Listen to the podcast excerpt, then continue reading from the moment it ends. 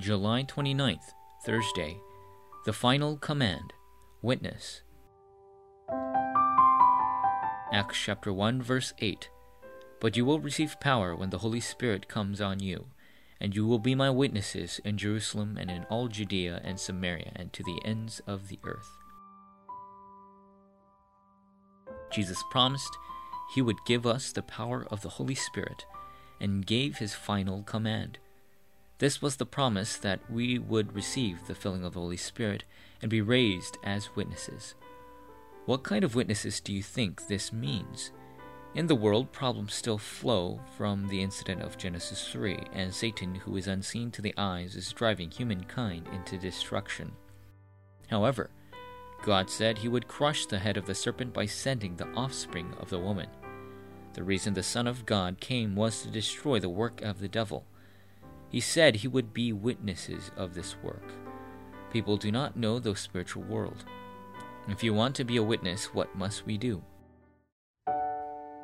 Number one, the content and order we must not change. The first thing we must do is grab hold of the blessings inside of Christ, whom God sent, and pray. The blessings we must enjoy in Christ are these God is with us by His Holy Spirit, He is guiding us, and through the Holy Spirit, He gives us power. We call this our identity. In addition, the authority to win over the forces of darkness has been given to us.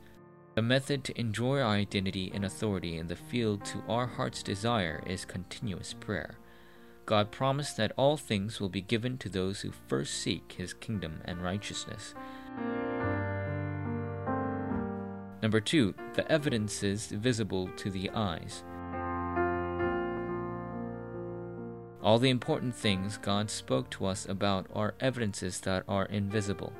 We cannot see our heart and mind, soul, the Holy Spirit, and Satan. However, people only talk about things we can see with our eyes. If we enjoy this blessing, the evidences we can see with our eyes come to us. The miracles of the Old Testament and the healing in the Bible's New Testament arose when they grabbed hold of Jesus Christ. We must become witnesses of this. Number three, as a witness in the most important place.